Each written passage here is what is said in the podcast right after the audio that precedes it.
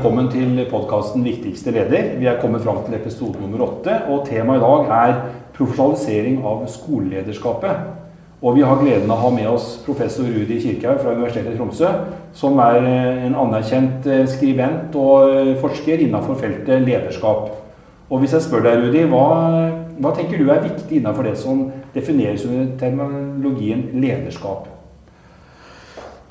Ja, altså Det er veldig mange ting som, eh, som, er viktig der. Mange har jo prøvd å avgrense lederskap til, eh, til, å være noe spesielt. Og mange mener at lederskap er veldig mye, og at det tilhører veldig mange. At det ikke er en egen profesjon, men at det er noe som alle har rett til å utøve. Omtrent som språk. ikke sant? Alle har rett til å snakke. Og, eh, og, og mange mener at alle har rett til å utøve lederskap. Um, og det er nok noe i det. fordi at Hvis vi leser historien, så er det jo uh, bare nyere tid at vi har hatt lederskapsutdanninger sånn, sånn som, som, et proft fag, som vi kan si det. Mm. Men lederskap har jo vært utøvd, og utøves jo i, i, i, alle sammenhenger. Blant små barn til og med, ikke sant? og blant eldre på sykehjem. Og, og overalt. Også der det ikke er utnevnt en egen leder, så utøves lederskap. Så det er et, eh, et komplisert fag å forholde seg til som forsker. Eh, på mange vis. Jeg sjøl har vært, heldig vært leder i, i, mange sammenhenger, både i næringslivet og i forvaltningen og innenfor luftfart og luftsport og, sånn, og har jo opplevd at, eh, at lederskap, når du påtar deg en lederrolle, så påtar du deg egentlig veldig, veldig mye som en uformell leder ikke gjør. Altså Man kan si at man er leder, men når du påtar deg en formell rolle, så går du inn i et system med veldig stor ansvarlighet. Med ansvar for andre mennesker, deres utvikling og liv og helse og alt sånt. Så man går inn i en, inn i en, i en situasjon og en modus som krever profesjonalitet, og stadig mer av det i mm. våre dager. ikke sant? Fordi at um, organisasjoner uh, som vi jobber i, og og ikke minst skoleverket er så utrolig komplisert.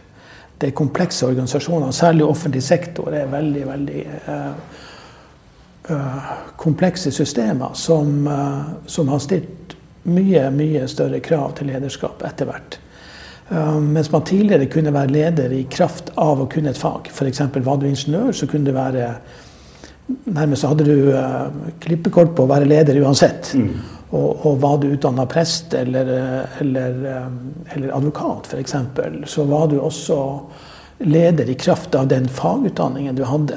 For det var jo på 60-70-tallet i Norge så var det jo en diskusjon mellom jurister og ingeniører om hvem som var lederne. I Forsvaret har man jo hatt det lenge, og man har jo rekruttert folk fra Forsvaret fordi det er jo en lederskole i Forsvaret. ikke sant? Og, og, og for så vidt eh, politiet også. Men, eh, men eh, i dag ser vi at, eh, at lederskap er blitt så krevende at det nytter ikke å komme uten videre fra å, et, å være god i et fag, uansett. Mm. Så må du på et vis skaffe deg kunnskap. Det er å regne som et håndverk, mer, ja. og ikke bare som en egenskap. For den store diskusjonen i lederskap er jo om du er født, født som leder. Eh, eller om du er blitt leder i kraft av en påvirkning av en, av en utdanning eller en erfaring. Ja. Og, og, vi sier jo eh, at det å være født, det å ha egenskaper som leder, det er, det er nok grunnsteinen, det er grunnmuren i alt lederskap. Eh, ikke enhver kan bli leder. Du må ha egenskaper i bunn. Eh, du må ha noen grunnsteiner der som ligger der. og Derfor er jo psykologene veldig opptatt av å teste oss ikke sant? Gjennom, gjennom sånne personlighetskategorier. Mm, mm. De bruker en sånn femfaktorteori der. Og, og, så bruker de en sånn kapasitetstest. Altså hvor mye vi tåler, hvor mye intelligens vi har osv. Alt etter hva vi skal lede. Ja. Så det, den, den eh, egenskapsboksen, som vi kaller det, ja. trekkboksen, den er viktig. Men Eh, det nytter ikke bare å komme med en viss personlighetsscore og en kapasitetsscore, en, en intelligensscore, og si at jeg skal være leder. Eh, hvis du skal være leder, så må du kunne håndverket. For det er veldig mye håndverk i lederskap. Um, så vi kan jo tenke oss at, um, at, uh, at du har en ide idealscore på personlighets en sånn personlighetstest. Som psykologer vil si at ok, det her ser ut som at du egner deg godt for å være leder. Men hvis du skal inn i en bestemt organisasjon, en bransje, f.eks. skole eller reiseliv eller Forsvaret eller politiet eller luftfarten, så må du kunne faget. Du må kunne masse av faget. Håndverket. Så den håndverksdelen, eller den atferdsmessige delen av lederskap, er et stort og viktig fagfelt. Og det er jo det vi som ikke-psykologer vi forsker på den delen. Ja. For å finne ut hva må du gjøre for å kunne utøve lederskap forsvarlig i forhold til de du skal lede, og i forhold til de som eier organisasjonen din, og alt det du har ansvar for. Så, så, der er vi i dag. Vi diskuterer dette mye med, med psykologene. Hvor mye vekt skal vi legge, legge på trekkboksen, altså den psykologiske seleksjonen. Og hvor mye vekt skal vi legge på utdanning av ledere? Ikke sant? Mm. Det, er en, det, er en, stor og viktig diskusjon i dag. Så vi sier at ok, du må, bør teste deg som leder. Du, du, må ha visse kapasiteter, greit. Men så må du inn og lære deg fag. Lederskapsfag. Altså, det nytter ikke å komme og være god i, i, medisin hvis du skal lede et sykehus. Og at du bare er en topp medisinsk forsker. Det nytter ikke. Du må kunne faget lederskap, for da går du ut av medisin og inn i et helt annet fag. Hva tenker du i forhold til skole, da? For nå er jo, du har jo skolebakgrunn, så mye skolebakgrunn faktisk. Og, og, det har du jo brukt mye også i forhold til også i, i bøkene dine å beskrive eh, den kompleksiteten da, du er inne på i skolen. Og vi er jo veldig opptatt av dette med å få anerkjent lederne i skolen. Og de kommer liksom eh, ledere i skolen når du belyser de to dimensjonene du har gjort nå. Så er det jo interessant å se på hvordan er det vi velger ut ledere. Og i den sammenhengen så er jo skolen en profesjon eh, med eh, lærere som har eh, et fag. Og så kommer du opp og blir leder av lærere med en fagkompetanse. Hva, hva, hva, tenker du da i forhold til det du har erfaring fra skole selv, og den forskningen du har gjort i andre etater som bruker det begrepet? Har du refleksjoner rundt det? Ja, jeg har det. Og jeg har jo forska på skoleledere og vært skoleleder sjøl også. Um, det er interessant i forhold til til jurister og ingeniører at de ikke, ikke uten videre kan ha klippekort på lederskap. Så er spørsmålet kan du som pedagog har du da klippekort på lederskap. Og Det er et veldig interessant spørsmål uh, som du stiller der. Og, og, og det, det, vi ser, det ultramoderne lederskapet vi ser, altså de lederne som lykkes best i dagens organisasjoner, de har en intuitiv pedagogisk forståelse. Det er ikke mange som har grunnleggende pedagogisk utdanning og erfaring av de lederne. Um, men det vi ser, det er at grunnleggende pedagogikk er, ser ut til å være en forutsetning for å kunne lede organisasjoner utenfor skolen. Okay. Det er vi ganske trygge på, for jeg sjøl har vært en, en av de. Jeg kom rett fra skolen og gikk inn i en toppjobb i næringslivet. Og følte at den overgangen var grei. Jeg følte at den var grei fordi at Eh, det første jeg begynte med, det var jo å, å ivareta mine medarbeidere og utvikle dem. Og utvikling det ligger jo i, i sjela til pedagogikken. ikke sant? Ja. Men så er det sånn at det er dog en stor overgang fra det å utøve lærerskap til det å utøve lederskap. Det er en stor overgang der, fordi at uh, du skal ut av en modus hvor du står og foreleser, til å lede en veldig krevende gruppe som lærere er. De er en krevende gruppe å, å lede, omtrent som på, på, universitetene. Forskere er vanskelig å lede, og lærere er vanskelig å lede. Um, universitetsdirektøren hos oss han, um, han sammenligna det å være leder på et universitet med det å, gjete katter. Ganske morsomt. Uh, og der satt jo vi og hørte på, og vi var katten da. ikke sant? Så, men han har et poeng selvstendig, ganske smart ikke sant? Og, og, flinke folk. Eh, lærere er jo det. Men jo flinkere folk er, jo mer profesjonelle de er, jo, flere, jo mer fagutdanning de har, altså i form av en, Mange lærere har jo mastergrad. ikke sant? Jo vanskeligere blir det å lede.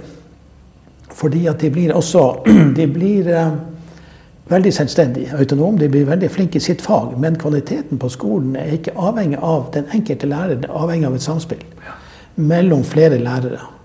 For fagformidling og utvikling av mennesker, som skolen holder på med, det krever at, at, man, at man, samarbeider, at lærerne samarbeider, at de ulike fagene samarbeider, at de snakker sammen.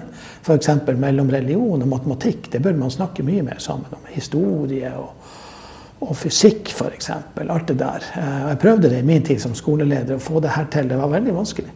Eh, fordi at jeg følte at jeg var litt maktesløs i forhold til å koordinere lærerne. Jeg hadde ikke den makten og den autoriteten som jeg følte jeg trengte. For jeg vil jo selvfølgelig eh, koordinere norsklærer og engelsklærer. Det, det, er jo banalt. altså Det bør man absolutt gjøre, fant jeg ut. Uh, tysklærere med hensyn til grammatikk og alt mulig som er felles der. Men det viktigste målet til en grunnskole, i hvert fall, men også videregående skole, er å utvikle mennesker. Mm. Ikke bare fag, men mennesker. Altså utvikle det vi kaller humankapital. Menneskets evne til å utvikle seg sjøl og til å bli en del av et større hele. Og da trenger man skoleledere som skjønner det spillet, og som har tyngde og autoritet til å lede lærerne til å forstå dette. For Da kommer vi inn på det med altså, litt sånn det buzzwordet som er nå med profesjonsfellesskapet, som er kommet inn i overordnet del nå. Eh, som beskriver liksom skolelederne og lærerne og de øvrige ansatte som inngår i et felles, fellesskap. Ja. Og hvordan det fellesskapet skal sammen utvikle eh, skolen ja. til å bli en god arena for barn og unge. Ja. For, for, barn og unge husker nødvendigvis ikke de fysiske reglene som de lærte, eller, eller grammatikken, men de husker skolen, og de husker mm. lærerne, altså måten de var på. Uh, min, mitt store forbilde på, i barneskolen var en lærer som heter Roald Aas. Han kom rett fra Forsvaret. Han var sersjant. Han var en beinhard fyr, uh, men han var også en veldig god pedagog. Eller han var en god pedagog i den forstand at han tersa oss og lærte oss mye. Sånn som at vi hadde gode opplevelser av Roald Aas. Det har jeg enda i veldig voksen alder. Jeg husker han som mitt store forbilde, for han plaga oss. Uh, når vi var, hadde lyst til å gi opp, så sparka han oss i ræva, og så kom det videre. Uh, han var ikke populær som, som, uh, som, lærer. Hvis han hadde vært, blitt målt på sånne popularitetsskalaer, så hadde han fått lav score, ikke sant, sånn som vi ser i dag. Men ettersmaken etter han Roald Aas, ettersmaken, altså den smaken du har av hans innsats og hans forståelse av hva det vil si å være lærer, utover det å formidle faget. Han var, jo, han var jo ikke noe god i fysikk, han var kanskje ikke så god i regning. Og, og ikke kunne han synge når vi skulle ha sang, f.eks. Men, men han fylte rommet. Mm. Han fylte rommet med noe. Ikke, ikke sant? Ja, Som du husker noe i ettertid, og du kan ja. legge deg på sinnet at ja. det var noen kvaliteter der som du har ja. fått med deg videre? Og de kvalitetene er det skolelederne som skal dyrke frem hos mm. lærerne. Mm. mm. De skal ikke bare dyrke frem den eksplisitte dyktigheten i, i, fysikk, hvis du er fysikklærer eller språklærer. Men det er godheten i det å være en, en, en utvikler av mennesker. Ja. Og det trenger vi.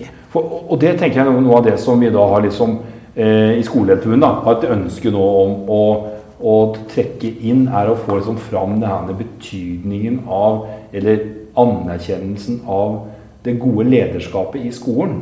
Og betydningen av at vi faktisk også har en utdanning og en ramme for å ta og velge ut de gode lederne. Mm. Få myndigheten til å forstå at uten gode ledere i skolen, så er det også vanskelig kanskje å nå alle målsetninger. Og, og, der har vi jo satt i gang et samarbeid med deg rundt og kikke litt inn i den hverdagen vi har i dag. Og kunne du litt, gå litt rundt i det designet vi nå holder på å sette opp, relatert til den gode skoleleder, for å si det sånn, bruke det begrepet? Ja, altså det, blir, altså det er jo deres idé som ligger bak her. Og tanken er jo å forsøke å avdekke ledernes hverdag. Sånn at, um, at, at, vi får et bilde av om det er ledere som holder på å utvikle gode fysikklærere, gode engelsklærere, eller om de går videre, om de kan ta det store grepet i skolen. Forsøke å avdekke en hverdag. Hva er det de holder på med egentlig, og hva er det de ønsker å holde på med? Mm. Og hva er nødvendige forutsetninger for at de skal løfte seg som ledere? For å, å ta de store ledergrepene. For det er ingen ledere som er så viktige som skoleledere. fordi at kvaliteten på de studentene vi får opp på universitetene, og det som arbeidslivet får inn arbeidstakere, det bestemmes der. Bestemmes tidlig i grunnskolen, til og med i, i barnehagene. Jeg har en del lederkurs for barnehagestyret, og jeg tar det der opp med dem også, på det nivået. Ja, ja. Mm. Der legges grunnlaget. Og, og det som er viktig nå i denne undersøkelsen vi skal se på, det er å prøve å få danne oss et stort bilde av, av hvordan det, det, ser ut der ute. Mm. Hvordan man har det som leder. Og, og, og, hvilke um, redskaper man bruker, og hva som trengs for å komme videre. Ja, for Det var noe av det som eh, vi hadde i, i en tidligere podkast her i, i, vår lille serie. hadde vi kunnskapsministeren inne. Og hun var jo innom det at, eh, som du også sa innledningsvis, det er ikke pedagogikk er en viktig faktor. Men det er ikke sikkert at vi velger ut de riktige lederne. At vi har grunnlaget for å vurdere om vi velger de riktige. Og da blir det som spørsmålet litt rundt det med seleksjon eller utvelgelse, og hva slags kriterier man kan hjelpe kommuner, altså ansetter ledere, eh, med å velge de riktige lederne. Det er vi litt på jakt etter. Hva tenker du rundt en sånn undersøkelse kan være med på å gi oss av svar som vi i Skolelederforbundet kan bruke for oss å si, fremsnakke ledelsesfaget. da.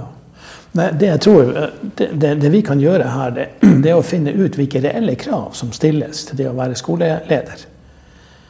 Og, og, finne ut altså det, som ligger, og som ikke er så lett å uttale, men det som ligger skjult i skolelederes hverdag. Mm. Ikke sant? Det, alle de store utfordringene de har. Mm.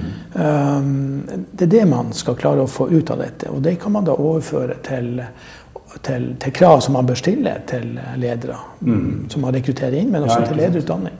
Ikke minst. Ja. Og, og, man ser jo kanskje, og det som vi også ser, er jo at eh, mange ledere føler nok også at de står i en veldig presset situasjon. Uh, og vi har vel egentlig også diskutert hvordan vi skal kunne klare å få ledere å beskrive den hverdagen de står i. For å på den måten få fram hva trenger de av forståel jeg bruker ordet forståelse fra oppdragsgiver om den krevende jobben de har. For jeg tror at eh, legitimiteten til skoleledere den, eh, den er ikke like tydelig når politikere snakker om skoleledere eh, som det er for lærerne. Ofte så hører vi om lærerne, og vel og bra er det, men hva med skolelederne? Kommer de nok fram den viktige jobben de har, eller blir de liksom bare en liten brikke i spillet? Og det har jo vi diskutert. Eh, jeg vet ikke om du har noen, noen tanker om det? Nei, altså Det som jeg tror mangler eh, av kunnskap om, om skolelederskap, det, er, det, ene er jo viktigheten av, av, det. Og det ønsker vi å måle her, og se på hvilken innflytelse skoleledere egentlig har og ikke minst hvilken innflytelse de bør ha i, eh, i mm. skolen. Og Når vi, eh, når vi, eh, sammenligner det med, med, med, å måle den hverdagen de er i, så kan vi få frem et bilde eh, som gir mulighet for å gripe inn i, i, i den situasjonen. Mm. Og, og, gi skolelederne den støtten som de, de kanskje trenger. Mm. For det handler om å bygge opp skolelederskapet til en, en, en profesjon som, som bør avdekke den viktigheten de har. Mm. Som jeg tror det, det, det, er Vi er ikke der. Nei. Fordi at man, eh, man, man regner kanskje en rektor en inspektør som den, den fremste av likemenn eller likekvinner, og det mener jeg ikke er godt nok. Mm. Så vi, ser, vi, gjør jo dette på universitetene. Nå profesjonaliserer vi opp rektorstillinger og dekanstillinger, instituttlederstillinger også. Og tenker du at det her kommer liksom kanskje Det er en historisk reise vi har starta på, egentlig, som begynte for noen år tilbake. Hvor man også innførte i videregående skole på 2000-tallet avdelingsledere. Man ser i, i, grunnskolen begynner man å få en avdelingsledernivået.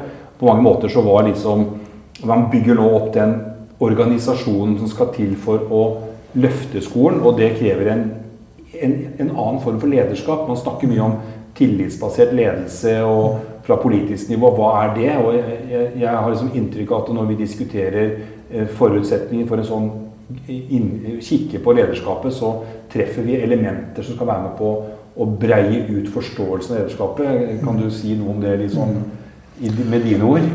Ja, jeg tenker at uh, De dataene vi kan få frem en sånn undersøkelse, de er med på å gjøre bevisstheten rundt behovet for å utvikle lederskap i skolen mye større, mye bredere.